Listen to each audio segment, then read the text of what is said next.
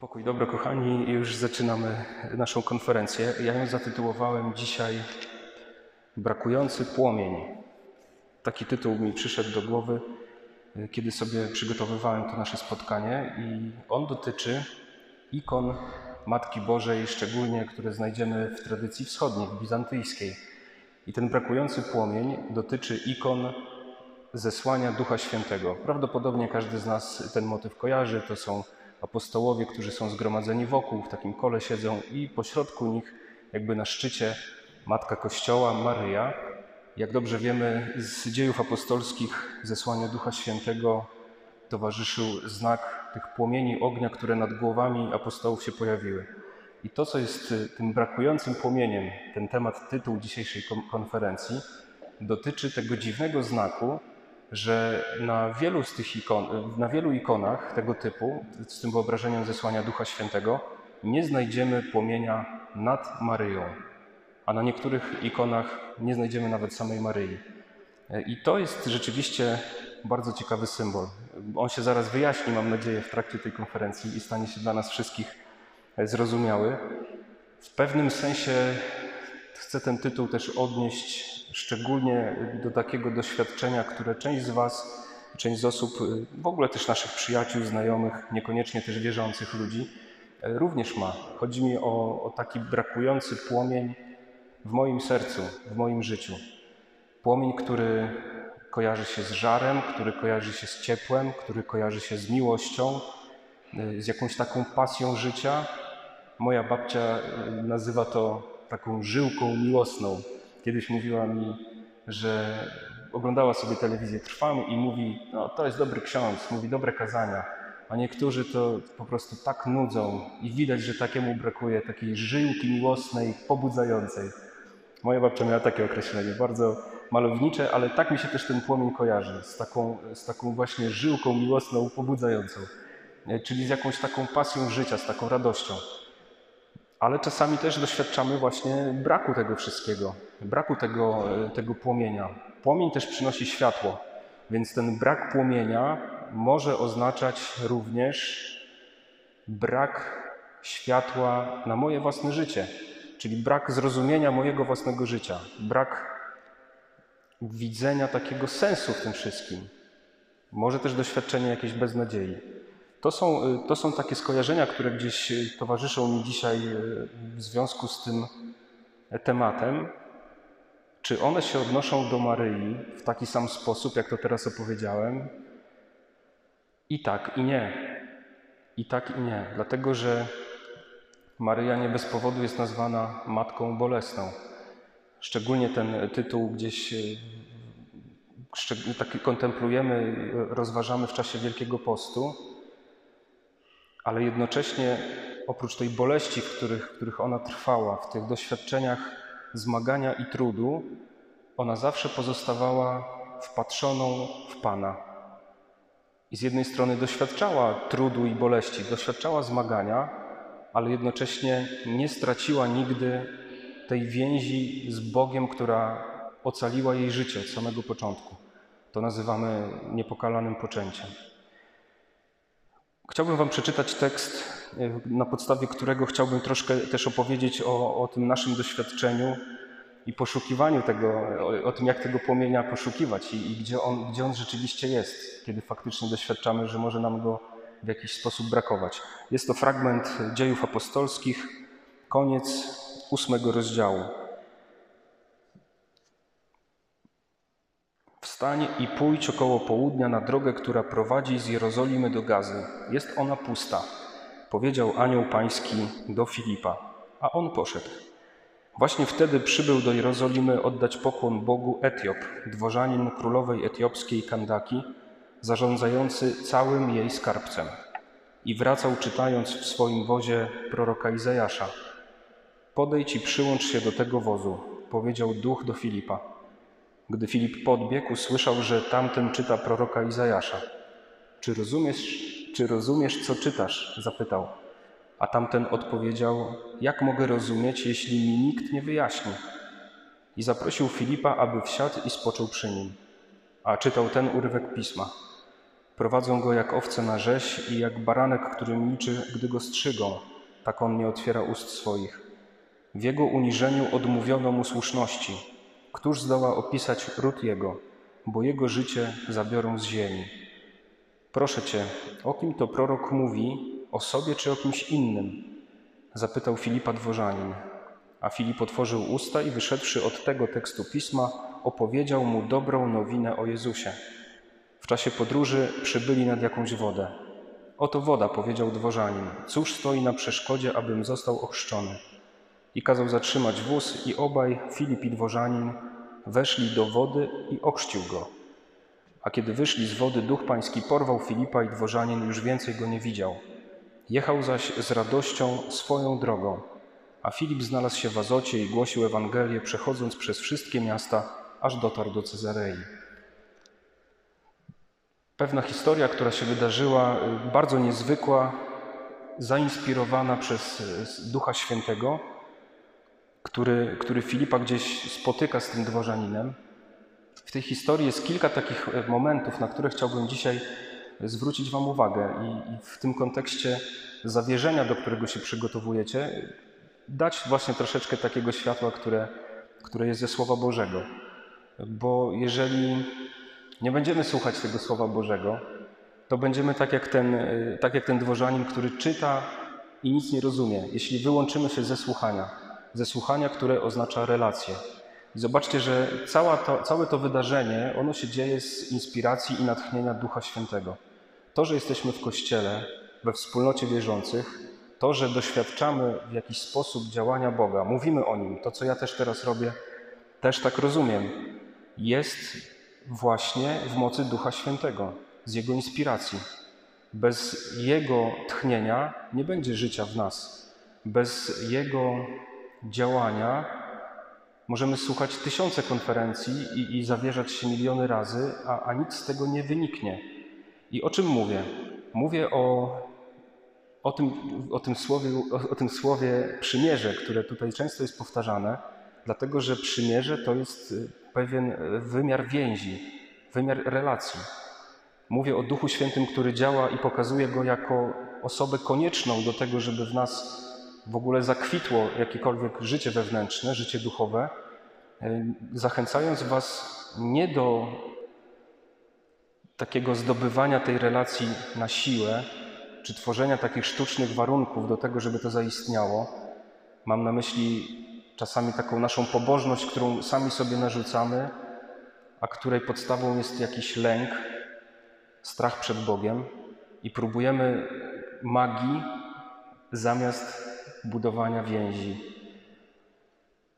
I próbujemy Pana Boga przekonać, że jesteśmy dobrzy i zasługujemy na Jego miłość, na Jego spojrzenie. Próbujemy właśnie ciągle zasługiwać, zamiast przyjąć dar, albo zamiast y, stanąć przed Panem w takiej, w takiej dyspozycji, z takim otwartym sercem i Go zapraszać, żeby mnie ożywiał, żeby On rozpalał we mnie ten płomień, żeby On go też podtrzymywał. Różnica między takim zaskakiwaniem Boga naszą pobożnością, a byciem w przymierzu z Nim, w więzi, w komunii, w relacji, jest taka, tak sobie to wymyśliłem, jak jechałem metrem. Nie wiem, czy znacie takie zjawisko, e, to ze wschodniej ściany polskiej, tam z kresów bardziej wschodnich naszych. E, mam na myśli szeptuchy. I na przykład różnica jest taka. Kiedy chłopak zaczyna spotykać się z dziewczyną, dziewczyna z chłopakiem, y, poznają się nawzajem i stopniowo po prostu się w sobie zakochują, budują ze sobą y, więź, poznając się nawzajem, poznając swoje y, słabości, poznając swoje zalety, rozkochując się w sobie, małymi kroczkami budując, budując po prostu relacje. Ale jak ktoś chce ominąć ten naturalny i konieczny proces, a najgorzej jeszcze, jak ktoś chce kimś zawładnąć, to idzie do takiej szeptuchy i mówi: Poproszę przepis magiczny na to, żeby ta osoba się we mnie zakochała. Przynosi jej włos, dorzuca gdzieś tam do jakiegoś y, czegoś, szeptucha coś tam poczaruje i rzuca urok. Wiem, że to brzmi śmiesznie, ale ludzie naprawdę to robią i w to wierzą. A dla mnie jest to taki obraz y, tego, jak dużo w nas jest magicznego myślenia bardzo często i próby przeskoczenia czegoś, co, co jest naturalne w naszym życiu, co jest konieczne wręcz. I tutaj zobaczcie, mówię o Duchu Świętym jako tym, który domaga się budowania więzi, budowania relacji, który wprowadza nas na pewną drogę, tak jak tego dworzanina. Zobaczcie, że to wszystko się dzieje na jakiejś drodze. To jest, ta droga ma swój początek, ta droga ma swoje rozwinięcie, jest tutaj, są różne wydarzenia, są różne pytania.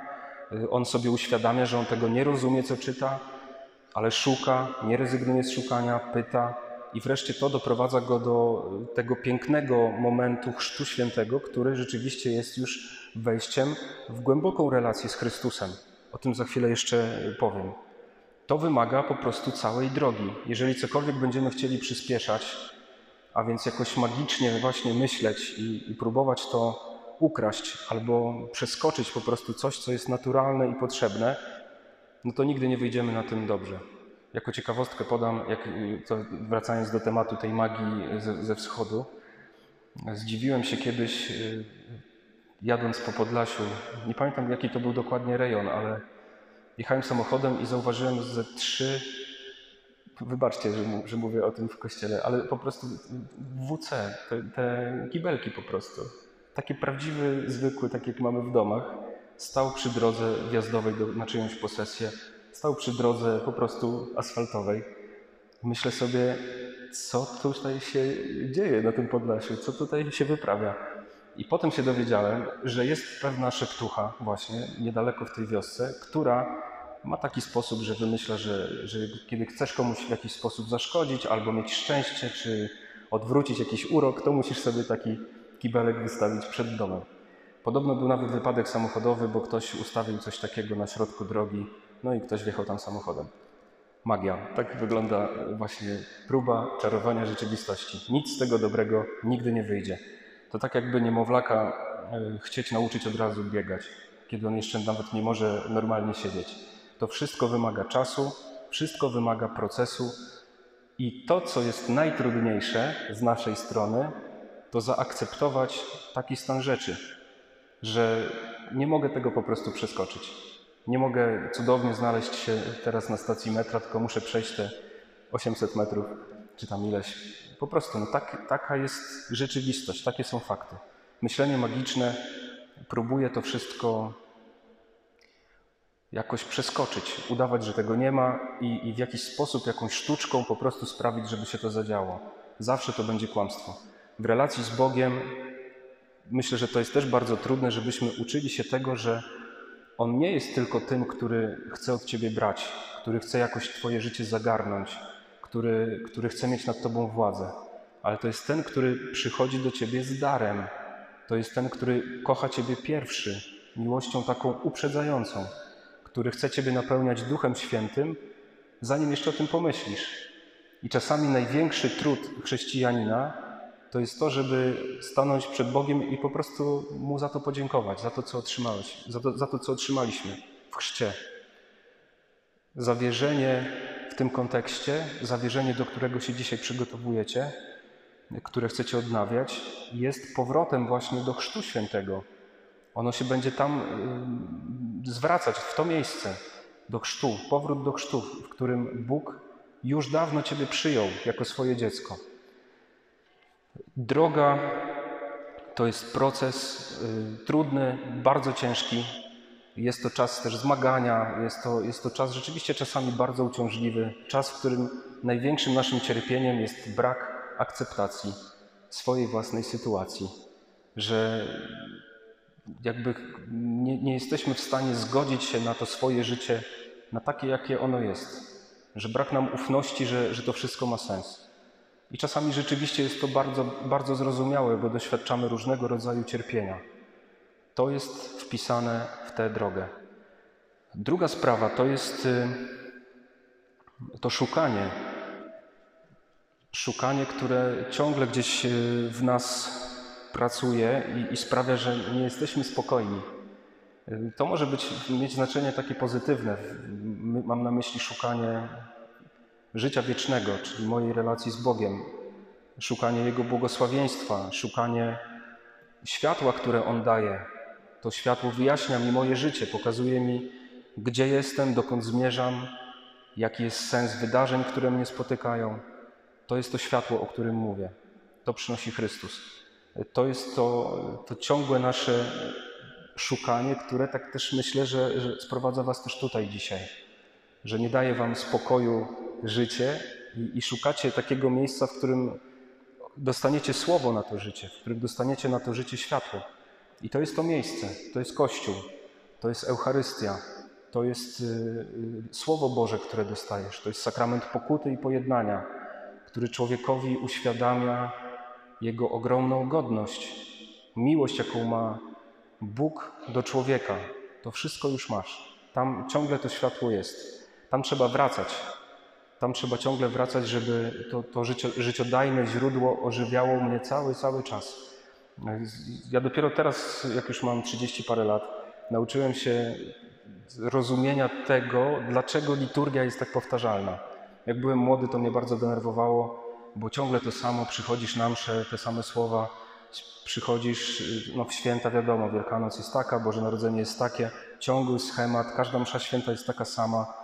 Jakoś y, mnie to męczyło wtedy, bo no, byłem za młody i pewnie za głupi troszkę, żeby to wszystko jakoś pojmować i, i to przeżywać. A dzisiaj mówię, Boże, dziękuję Ci, że to wszystko jest y, takie pewne, takie stałe, takie proste. Bo to, że ta liturgia jest taka sama, to daje mi taki pokój też, że ja mogę do tego wracać, ale jeszcze, y, jeszcze jedna myśl, że liturgia pozostaje ta sama, ale ja przychodzę na nią inny. Po roku przychodzę na, na wydarzenia paschalne, na Triduum Paschalne jako inny człowiek, z nowym doświadczeniem życia, z nowym rokiem na, na plecach. I, I potrzebuję na nowo tego otwarcia źródeł wody chrzcielnej. Potrzebuję na nowo odnowić przyrzeczenia chrzcielne, żeby wobec tego, co mnie spotkało w tym roku, stanąć przed Bogiem i powiedzieć: Panie, proszę Cię dalej o, o błogosławieństwo, o to, o to światło, o to, o to życie, które mi tutaj dajesz. To jest ciągle weryfikacja, tu jest ciągle, ciągle coś się dzieje. To jest ten proces. To jest też walka. To jest też ogromna walka. Zaraz do tego y, przejdziemy. Jeszcze jedna rzecz, zobaczcie. Mm, kiedyś usłyszałem taką ciekawą myśl, że żeby stać się chrześcijaninem, musisz spotkać chrześcijanina. Ten dworzanin królowej Kandaki przyjął chrzest, stał się wierzącym, bo spotkał wierzącego. Tak to działa, taki, taka jest konieczność. I zobaczcie, yy, widać to w, tej, w tym momencie, kiedy on sam zostaje ze Słowem Bożym, ten dworzanin, czyta, yy, czyta fragment proroka Izajasza, a zupełnie go nie rozumie. On nie wie, czy prorok mówi o sobie, czy o kimś innym. Nie ma, nie ma tutaj zrozumienia pisma. On po prostu poznaje jakiś tekst intelektualnie, ale tu nie ma więzi, jeszcze nie ma relacji. I przychodzi ten chrześcijanin Filip i opowiada mu dobrą nowinę o Jezusie. I w momencie, kiedy ten człowiek słyszy tą dobrą nowinę, zaczyna ją rozważać, w końcu ją przyjmuje do swojego życia, klocki się układają i nagle wszystko zaczyna grać. On y, pragnie przyjąć chrzest. To jest też y, obraz y, takiego działania ewangelizacyjnego, ale to, to nie na dzisiaj temat. To na pewno jest bardzo, bardzo ciekawa katecheza też o, o ewangelizacji i o, o tym, jak się odkrywa osobę Jezusa. Takie szybkie odniesienie do Ewangelii Łukasza, czyli, czyli tego samego autora, który napisał Dzieje Apostolskie, który opisuje tą drogę uczniów do Emaus, kiedy przychodzi Jezus i oświeca ich, żeby rozumieli Pisma, bo do tej pory po prostu tego nie rozumieli. I wiele razy w Piśmie Świętym, w Ewangeliach konkretnie znajdziemy te uwagi, że uczniowie coś widzieli, coś słyszeli, ale zrozumieli to dopiero, kiedy Pan zmartwychwstał. Bo On dopiero wtedy dał im Ducha Świętego, tak, tak trzeba powiedzieć, że to wszystko im się ułożyło, kiedy oni otrzymali w darze Ducha Świętego i przeszli z tego poziomu takiego prostego widzenia i oglądania rzeczywistości po prostu rejestrowania faktów, że coś się wydarzyło, coś się nie wydarzyło, ten coś powiedział, ten nie powiedział. Przeszli do głębokiego rozumienia rzeczy, że kiedy czytali już to pismo, to nie, nie byli gdzieś w Starym Testamencie, w tym, co się wydarzyło kiedyś, ale zaczęli widzieć, że to pismo zapowiadało przyjście Chrystusa, że psalmy opowiadają o Chrystusie.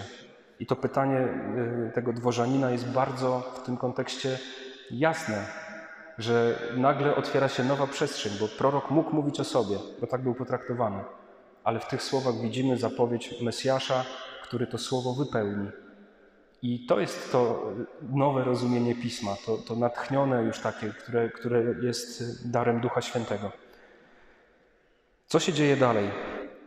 Kiedy ten dworzanin już spotkał człowieka, wszedł z nim w relację, kiedy oni zaczęli ze sobą rozmawiać, kiedy on zaczął zadawać pytania i ten mu zaczął odpowiadać, kiedy usłyszał wreszcie tą dobrą nowinę o Jezusie, poprosił o chrzest.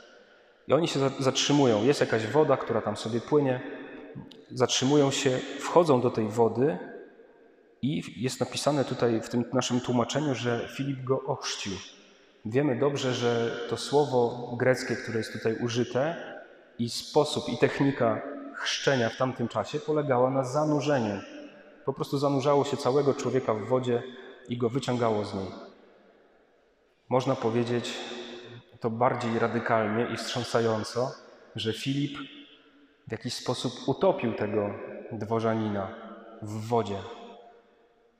Ale nie do końca w wodzie, bo chrzest jest znakiem zanurzenia w Chrystusie, utopienia w Chrystusie.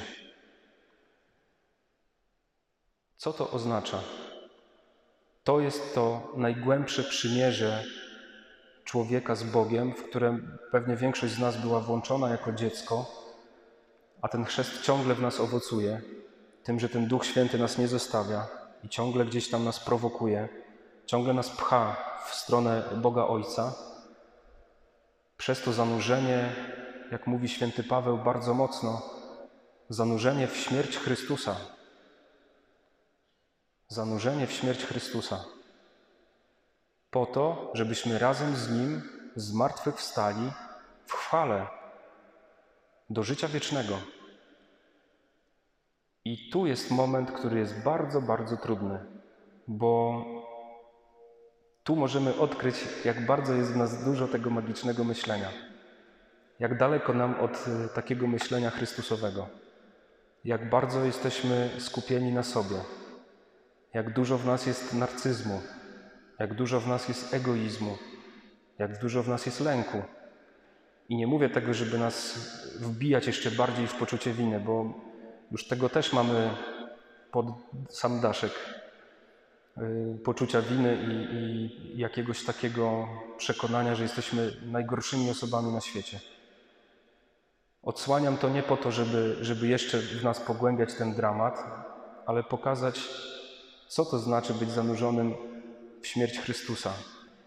Bo z jednej strony jest to wejście w to w przymierze z Nim, na tym poziomie mojego życia, takiego, jakie ono jest, ale to też jest usłyszenie takiego pytania, które Jezus Tobie zadaje dzisiaj: czy Ty chcesz mi oddać tą swoją śmierć? Bo jesteś zanurzony w tą śmierć Chrystusa, ale On jest również zanurzony w Twoją. I to jest chrzest. Chrystus, który przychodzi po Twoje grzechy, po Twoją śmierć, żeby Cię ją zabrać, żeby Cię wprowadzić na, na tą drogę nowego życia, przemiany, procesu, przemiany, małych kroczków, które mają Cię uwolnić z mentalności tego świata. Kiedy mówimy o tym świecie, o, kiedy używam tego sformułowania, ono ma korzenie biblijne i oznacza nie oznacza tego, że świat, w którym żyjemy, jest zły, ale kiedy mówimy o mentalności tego świata, mówimy o mentalności, w której nie ma Boga, o mentalności, w której to ja jestem Bogiem, w którym to ja jestem najważniejszy i wszystko mi się należy i zawsze mam rację i za wszelką cenę chcę uratować w każdej sytuacji swoje życie. To jest mentalność starego człowieka, jak mówi święty Paweł, czy mentalność tego świata, która jest napędzana trzema porządliwościami, jakie, jakie też znajdziemy w liście, w pierwszym liście świętego Jana.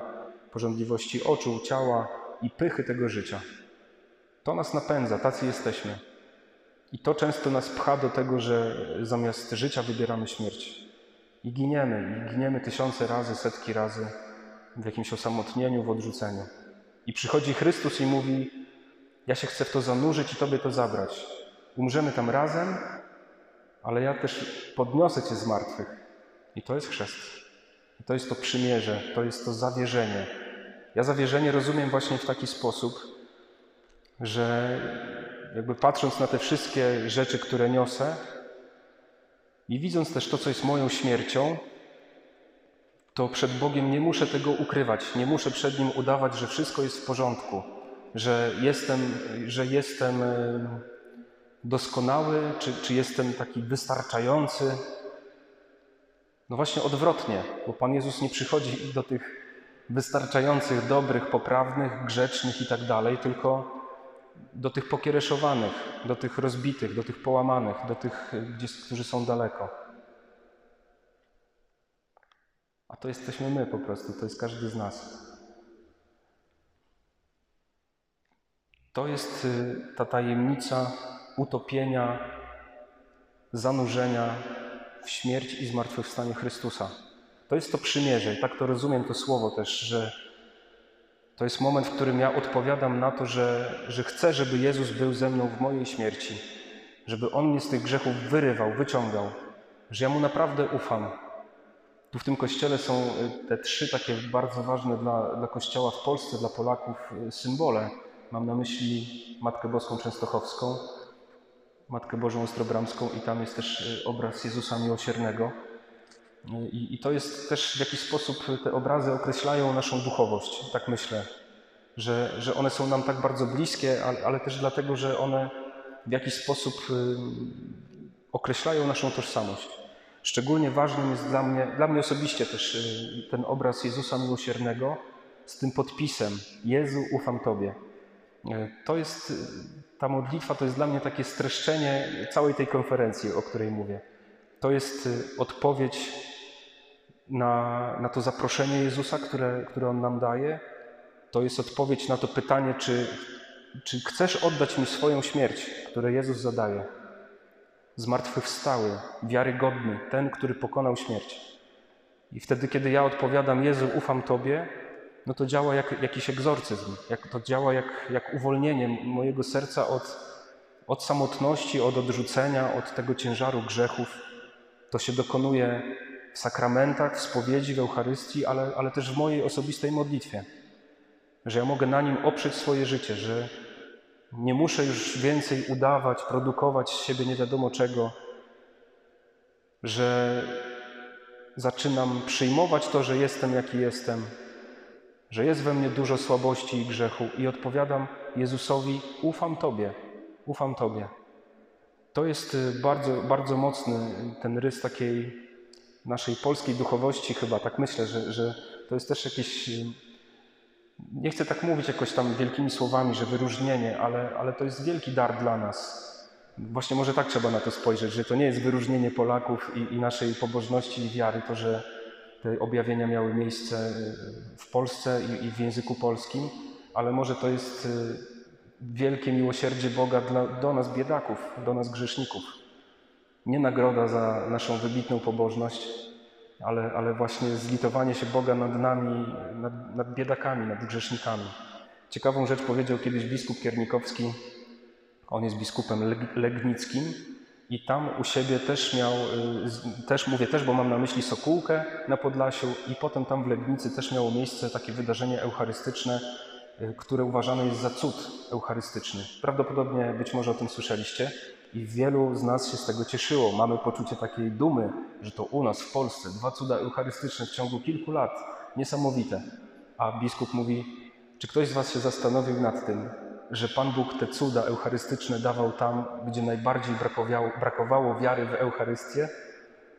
Tak trzeba też na to spojrzeć, że, że to nie jest nagroda i wyróżnienie dla nas, ale, ale wielka litość Boga, który mówi: obudźcie się, Obudźcie się i, i, i uwierzcie, otwórzcie swoje oczy i uwierzcie. To jest, to są takie, takie słowa, takie natchnienia, które gdzieś z tego fragmentu y, dziejów apostolskich chciałbym Wam zostawić. I jeszcze na koniec wyjaśnić, o co chodzi z tym brakującym płomieniem na ikonie, bo do tego zmierzamy.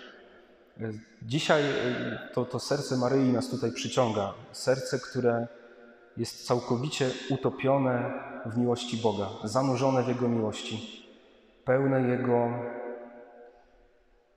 to serce jest pełne, pełne tej wrażliwości Boga, Jego czułości do człowieka, Jego dobroci. I tak jak wspomniałem wcześniej o, o niepokalanym poczęciu, to zobaczcie, że Maryja w momencie zesłania Ducha Świętego już go nie potrzebuje, tak jak potrzebują go apostołowie. Dlatego, że ona swoje zesłanie Ducha Świętego przeżyła wiele, wiele lat wcześniej, trzydzieści kilka lat wcześniej, właśnie w czasie zwiastowania. Napełnił ją Duch Święty już wtedy, kiedy poczęła w sobie Jezusa, Syna Bożego.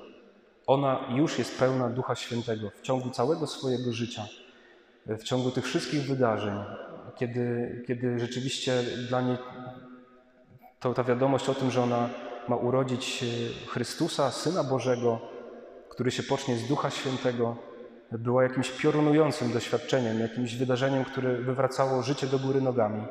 Kiedy potem zmagała się z różnymi rzeczami, które, które działy się, kiedy on dojrzewał, kiedy dorastał, kiedy dojrzewał też do swojej misji, kiedy odkrywał, że jest Mesjaszem, kiedy ona też miała różne uczucia w sobie, kiedy, kiedy przychodzili ludzie i mówili, że Twój syn zwariował o Jezusie. Mamy to w Ewangelii wszystko opisane. Kiedy mówili, że jest opętany przez złego ducha, przez, przez władcę złych duchów nawet jest opętany, bo robi i mówi takie rzeczy. I kiedy ona biedna chodziła i próbowała jakoś to wszystko zrozumieć i może nawet jakoś, jakoś spróbować tego Pana Jezusa uspokoić, żeby, żeby troszkę zwolnił tempo, żeby nie latał zbyt wysoko w, w tej swojej misji. Maryja ciągle biła się z myślami. Ona przeżywała te wszystkie rozdarcia, ale jednocześnie ciągle ufała Bogu. Ona ciągle była wpatrzona w Pana, była ciągle wsłuchana w Jego słowo. I zobaczcie, kiedy już jest ta scena zesłania Ducha Świętego, kiedy nad apostołami, nad uczniami pojawiają się te języki ognia, które symbolizują napełnienie Duchem Świętym, ona już tego nie potrzebuje, bo ona już w tym napełnieniu Duchem Świętym jest. Dlatego może tam być nie tylko jako matka Jezusa, ale też jako matka Kościoła, jako nasza matka. Myślę, że, że to dobrze rozumiemy i, i wszędzie tam, gdzie ludzie mm, kultywują pobożność taką maryjną, taką jaką znamy też w Polsce, czy właśnie w tym wizerunku Matki Boskiej Częstochowskiej, czy Ostrobramskiej, to, to zawsze tam gdzieś znajduje się tego zrozumienie. Czasami może nie umiemy o tym opowiedzieć, ale, ale myślę, że tego doświadczamy i to przeżywamy. Że to jest matka, która prowadzi mnie do Ojca. To jest matka, która się mną opiekuje. To jest matka, która, na którą ja mogę patrzeć i uczyć się od niej wierności, mogę się uczyć od niej modlitwy, mogę się uczyć od niej dyskrecji, takiego cichego, prostego życia. Ciekawa sprawa, że kiedy Jezus zmartwychwstaje, to, to Maryja znika aż do zesłania Ducha Świętego. Nie ma opisów żadnych o tym, jak, jak ona się z nim spotkała. Że, że nie ma takiego opisu, w którym byśmy zobaczyli Maryję spotykającą zmartwychwstałego, tak jak, jak Maria Magdalena, jak uczniowie, jak na przykład właśnie, ja bardzo lubię tą scenę, kiedy Jezus robi, no można tak powiedzieć, robi grilla dla uczniów, kiedy oni pływają. Piotr mówi, idę łowić ryby. Jakoś po, to jest po śmierci Jezusa, oni jeszcze nie, nie, nie spotkali go zmartwychwstałego, są jacyś zrezygnowani, brakuje płomienia właśnie.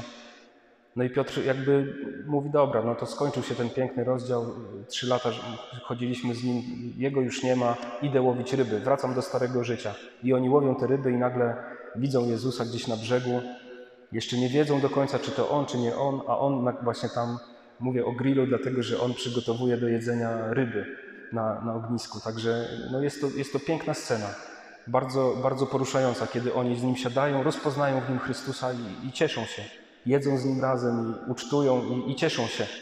A, a, nie ma takiej sceny, w której możemy zobaczyć Maryję, która, która się z nim spotyka. E, I, I, właśnie też wspomniany wcześniej biskup Kiernikowski, on, on sugeruje wielką dyskrecję Maryi.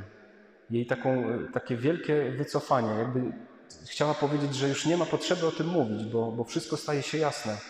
Bo kiedy on umierał, ona już wtedy była pełna Ducha Świętego mogła to przeżyć dzięki temu. Kiedy on był złożony w grobie, ona już uczestniczyła w zmartwychwstaniu, bo, bo wierzyła, że tak się stanie, jak on powiedział, bo słyszała przecież te zapowiedzi, które będą miały miejsce. Jest taka ukryta i cicha, aż do momentu zesłania Ducha Świętego, gdzie już też nic nie mówi, tylko towarzyszy, jest blisko, opiekuje się. trwa na modlitwie z uczniami. To są bardzo piękne, piękne sceny. Maryja i, i ta jej nauka właśnie ciszy i rozważania. Ona jest nauczycielką właśnie rozważania słowa. Znajdziemy też takie określenia u Łukasza, że ona wszystkie fakty, wszystkie słowa, wszystkie te rzeczy, które się dzieją, ona zachowuje i rozważa je w swoim sercu. Modli się, patrzy na te wydarzenia i pyta: Ojcze, co mam przez to rozumieć? Co chcesz mi powiedzieć? Co mi, co mi pokazujesz o mnie?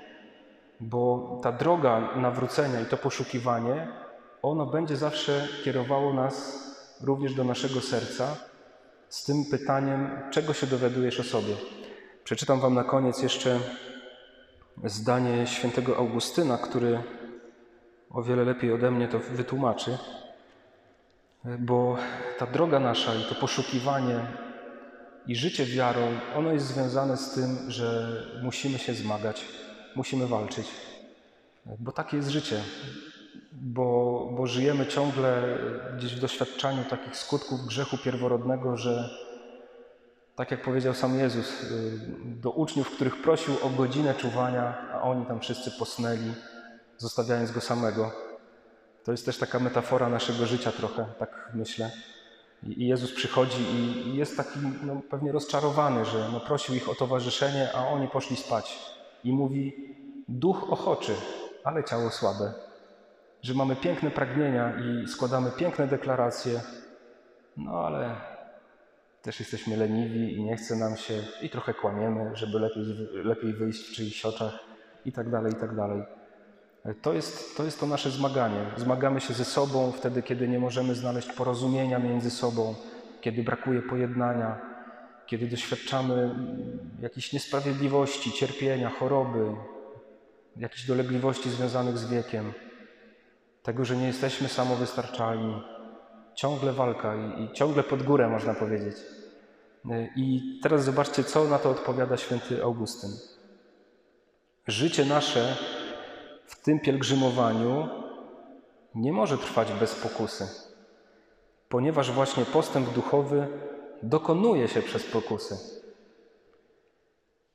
Ten, kto nie jest kuszony, nie może siebie poznać. Nikt też nie potrafi osiągnąć wieńca chwały bez uprzedniego zwycięstwa. Zwycięstwo zaś odnosi się przez walkę, a walczyć można jedynie wówczas, gdy stanie się w obliczu pokus nieprzyjaciela. Chrzest, przymierze, zawierzenie to jest y, z jednej strony akt, ale z drugiej strony też y, to życiodajne źródło, które daje mi pewność, że ja w tej walce nie jestem sam, że ja w tym moim zmaganiu, walce, pokusach, nawet umieraniu nie jestem sam, bo jest ze mną Chrystus. Chrystus, który jest zmartwychwstały. Chrystus, który, który sam mówi o sobie, że jest drogą, prawdą i życiem. Niech to zawierzenie dzisiaj, które będzie się dokonywać też przez, przez serce Maryi, prowadzi nas do takiej wiary, do takiego przekonania, do wiary, która jest przekonaniem. To brzmi trochę może nawzajem się jakoś wykluczać, ale ja bym tak chciał taką mieć, tak silną wiarę, taką pewność, takie przekonanie już. No wiadomo, że, że to ciągle jest mało może osiągalne, ale niech to pragnienie w nas będzie, bo ono nas otwiera na, na dary Ducha Świętego, na przychodzącego Chrystusa i wreszcie na, na miłość Ojca, którą Duch rozlewa w naszych sercach. Niech Pan Wam błogosławi na te zmagania, na te walki, na te wszelkie trudy. Amen. Amen.